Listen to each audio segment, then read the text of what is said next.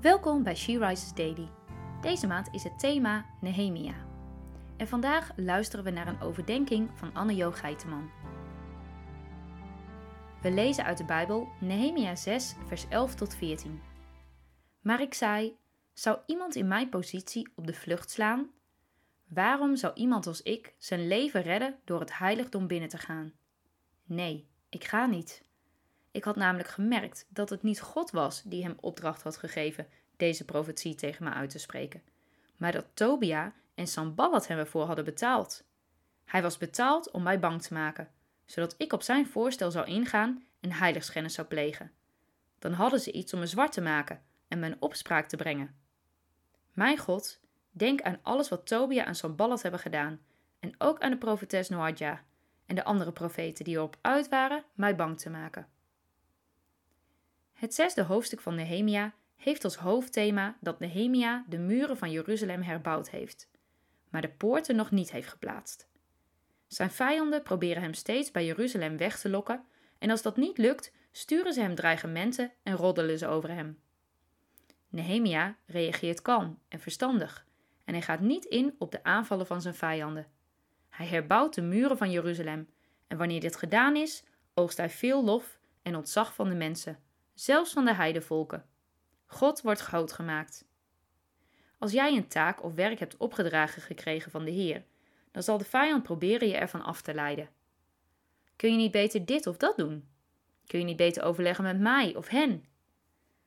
Lukt de aardige aanpak niet? Verwacht dan laster en roddelpraat, misschien zelfs dreigementen. Maar wees als Nehemia, ga door met bouwen.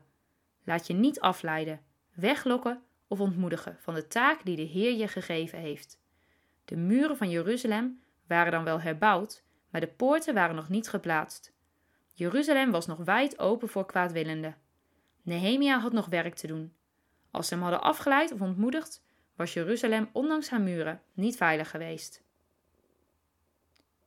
Herken je dit in je eigen leven? Zijn er dingen die je nu moet afleggen, waardoor jij je niet wil laten afleiden? Neem er een moment de tijd voor om hier bij stil te staan.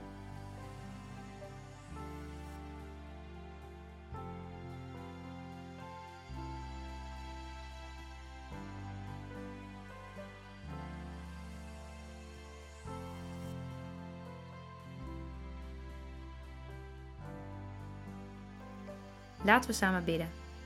Vader, wanneer we uw werk mogen doen, sterk ons dan. Laat ons de muren herbouwen en de poorten plaatsen zodat er veiligheid mag zijn. Sluit onze oren en ogen voor de aanvallen van de vijand. Laat ons standvastig zijn en verstandig. Vrouwen van weinig woorden, maar vol van uw wijsheid. Amen. Je luisterde naar een podcast van She Rises. She Rises is een platform dat vrouwen wil bemoedigen en inspireren in hun relatie met God.